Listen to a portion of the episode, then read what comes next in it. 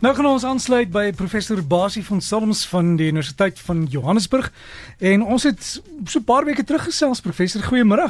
Ja man, welkom terug. Uh, alles is nou net vir 'n dag of twee, maar nou ja, jy weet verandering is van tyd tot tyd goed, maar jy gaan nie lank daar bly nie.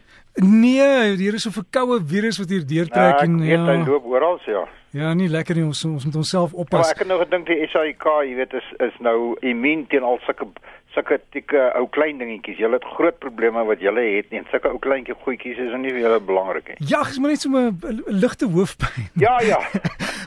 Pro, professor iemand het ook gevra, ek moet vra wanneer dit kom by die naam Universiteit Johannesburg. Ons praat van UJ.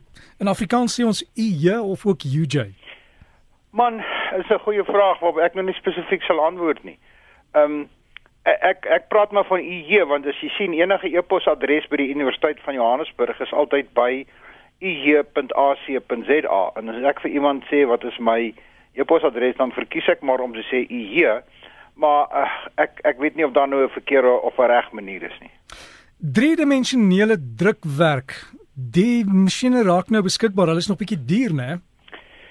Wel, nee, nie eintlik meer nie. Jy jy kan nou ehm um, eenhede koop wat jy in jou huis kan aan mekaar sit waarmee jy kan eksperimenteer en die feit is dat hoewel dit duur is, word dit verskriklik wyd gebruik. Jy weet daar is nou al motors wat omtrent 100% gemaak is, gebou is, noem dit gedruk is deur driedimensionele rekenaardrukkers. Daar word onderdele gemaak vir motors, daar word onderdele gemaak vir vliegtye wat gedruk word ehm um, gemaak word of dan letterlik gedruk word as jy dit wil sien in 'n driedimensionele uh struktuur uh van verskillende tipe materiale. En dit word letterlik gebruik in in die industrie. Dit word gebruik in fabrieke dit word gebruik in motors in vliegtye. Dit word baie wyd al gebruik. So dis nie meer 'n nuwe tegnologie nie.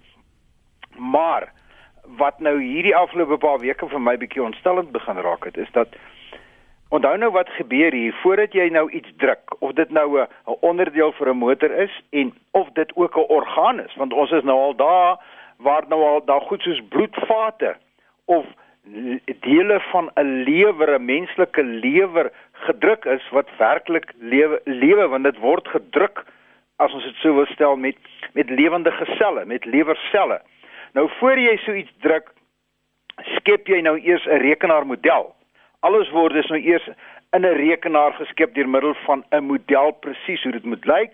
Dis 'n klomp instruksies en die instruksies word dan nou vir die rekenaar vanuit die rekenaar vir die drukker gegee wat sê presies so gaan jy nou om hierdie orgaan of hierdie onderdeel te bou vir 'n vliegtyg of dan vir 'n mens daar's 'n paar baie goeie voorbeelde waar waar daar nou al uh, menslike nie organe heeltemal nie, maar menslike goed gebou is, gedruk is wat gebruik word in die gebruik word in die menslike liggaam. Nou wat nou begin gevaar raak, is dat is natuurlik hier is die rotte ook alweer aan die gang. Want nou is die is die risiko natuurlik dat in as daar in die rekenaarprogram as hy nou gekraak word en daar word 'n paar van daai instruksies verander en hierdie lewer of hierdie bloedvat of hierdie onderdeel vir die vliegtuig of wat ook al word net verkeerd gedruk. Jy gaan dit nie sien nie, jy gaan dit nie weet nie. En dit gaan ingee. En dit is daai hele aspek wat ek dink weer totaal 'n groot bekommernis oopmaak vir ons waar mense beweer dat oor 3, 4, 5 jaar gaan na, gaan daar amper nie eens meer 'n waglys wees vir menslike organe nie. Hulle gaan sommer gedruk word. En dan van van jou eie uh, jy weet liggams uh uh selle en dan word dit ingesit. Dan lê die risiko daarin hoe goed hoe goed is die kubersekerheid van daai organe. Hm. Professor my vraag is as ek nou my duimafdruk gebruik om toegang te kry by sekere sensitiewe beheerpunte, kan hulle mos net eenvoudig my duim gaan druk. O ja. O ja, kyk, kyk, laat ons dat ons dit ook vir mekaar sê dat die die die hele kwessie van van 'n vingerafdruk uh wat beskou word as die groot nuwe deurbraak as ons dit sou wil stel om toegang te beheer tot rekenaars en tot instrumente en tot geboue en tot woonkomplekse en waar ook al is is amper alweer verby sy verkoopdatum want dit kan nagemaak word. En hierdie is 'n presiese ding as jy 'n ou se vingerafdruk en ons het dit self gedoen in in eksperimente dat as jy 'n glas het wat 'n ou vasgehou het dan kan jy van op daai glas kan jy deur middel van sekere stowwe uh silikon en sovoorts kan jy 'n daai ou se vingerafdruk kopieer en daai vingerafdruk daarvan kan jy dan nou letterlik in so 'n drukker in beginsel kan jy 'n duim gaan druk met daai vingerafdruk op Nou is die probleem natuurlik baie van die van hierdie lesers wat ek en jy gebruik as ons wil toegang kry tot 'n kompleks of tot 'n winkel. Binnekort gaan ons ATM's ook sulke goed hê as jy wil geld trek. Hy hy meet ook die temperatuur. So as jy 'n afgekapte duim of 'n gedrukte duim op die leser gaan sit, dan gaan hy hom nie herken nie want hy hy hy moet bietjie warm wees. Maar dit kan jy ook namaak. Dis geen twyfel nie. So jy's heeltemal reg. En dit Dit is die tipe probleme waar waar ons nou al van tevore ook gepraat het, waaraan ons moet begin dink en dan word baie gedink vir al die etiese aspekte hiervan. Jy weet die hele kwessie van etiese aspekte van van druk van menslike organe. Daar's ongelooflike voordele in, maar dit kan vreeslik verkeerd loop. Professor, sou jy sê 'n tandarts sal in die toekoms dan vir jou 'n heel nuwe tand kan druk? Dis nie meer nodig om 'n kroon op te sit nie. Hy maak sommer die hele tand. O my liewe vriend, uh, nie in die toekoms nie. Ja, hulle doen dit klaar. Ja. Uh, daar's al klaar tandartse, daar's al klaar instrumente op drukkers as ons dit sou wil stel. Wat hulle net eenvoudig 'n uh, 'n uh, kopie neem, hulle neem 'n rekenaar skandering van jou huidige tand en hy druk vir jou 'n nuwe tand. Dis dis niks meer, jy weet, dis ook al verby sy verkoopsdatum. As dit so so uh, iets soos 'n tand, daar's nou die dag die geval gewees van waar hulle 'n um, onderkaak van 'n persoon wat gebreek is of of ver, vergrys was, het hulle die hele onderkaak gedruk letterlik op vanuit 'n rekenaar uit in een of ander tipe metaal en is ingesit in die ou in die ou se doodgelukkigheid 'n nuwe kaak ehm um, wat deur 'n rekenaar vir hom gedruk is. Dan oor na Facebook, daar is sekere reëls vir die ouens probeer toepas. Hulle wil nie meer dat mense afgepers word op Facebook nie. Professor het ook 'n ander storie, né? Ja, dit is bietjie ook ontstellend. Uh, daar was verskillende uh um verslae in die in die afgelope ruk waar van hierdie mensehandelaars en en uh migrantehandelaars, ek kom nou hulle nou maar menslike handelaar rotte en migrante rotte, veral hier in Sirië en die plekke dat hulle die mense wat nou vir hulle betaal om hulle nou op die bote oor die Middellandse See te vat ensovoorts dat as hulle nou voorgekeer word dan word hierdie mense wat hulle nou eintlik nou hulle kliënte is, maar eintlik tot tot 'n mate hulle gevangenes is. Daai daai inligting word nou op Facebook profile gepraat, geplaas en die familie van daai vriende word dan nou maar soos soos, soos ons ook al gesels het dan afgepers en sê hier het ons julle mense, jy weet, hulle wil oor die water gaan en dis die gevare en dis die risiko's en en uh, uh so behandel, dan selfs mis, ons wys hoe mishandel ons hulle as jy hulle wil terug hê, betaal um 'n sekere losprys. En dit is die tipe ding wat jy ook nou net gesê het waarvan die waarvoor die sosiale netwerke deesdae die lelike kant is. Nou plekke soos Google en die mense wat hierdie goed beheer en Google wat ook die eienaar is van van WhatsApp doen natuurlik hulle bes om dit te voorkom.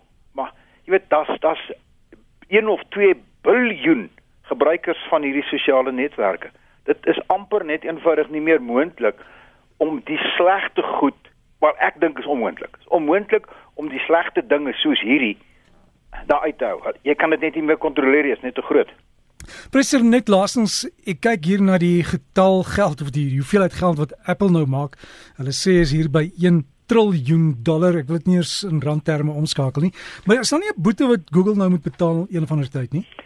Ja, dis 'n dis nog 'n interessante storie. Die Europese Unie het het het 'n uh, sak teen teen Google gemaak in die sin dat eh, Google as jy 'n soektog maak of of of 'n soekproses aangaan met Google en jy soek na iets dan dan gee hulle voorkeur aan hulle eie maatskappye of hulle eie produkte of wat ook al. Die die kom altyd eers op die lys want dis ook bewys dat as jy 'n Google soektog doen, jy gaan nooit verder as die eerste bladsy nie. As daar 10 bladsye is wat vir jou antwoorde gee op jou soektog, jy bly by die eerste bladsy.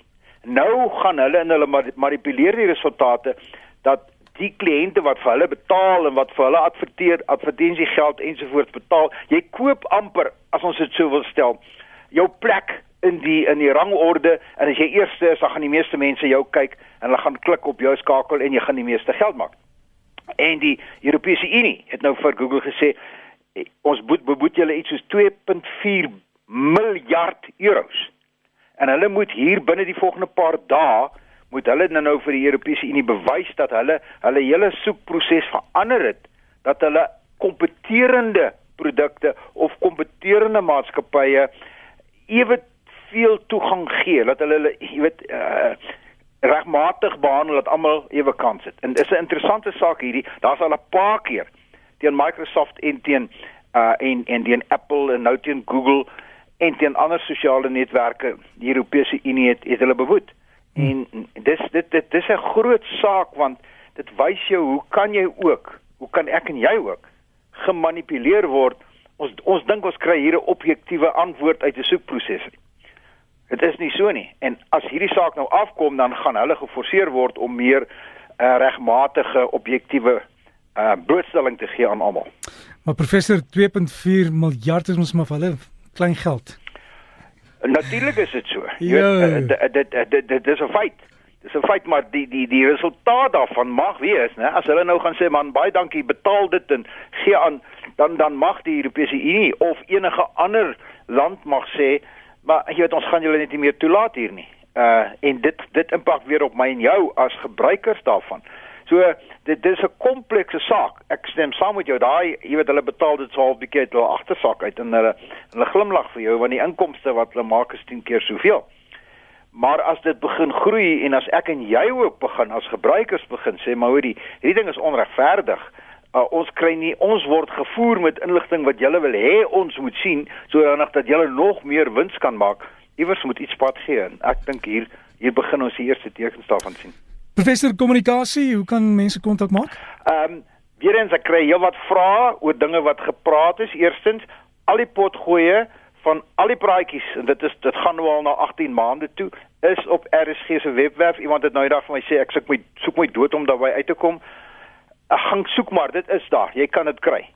Uh, tweedens op die webwerf van die Sentrum vir Kubersekuriteit van die Universiteit van Johannesburg www.cybersecurity.org.za baie van die goed wat ons oor gepraat het oor bitcoins en oor skole en oor uh cyberbully en oor skoolbeleidsdokumente alles is daar.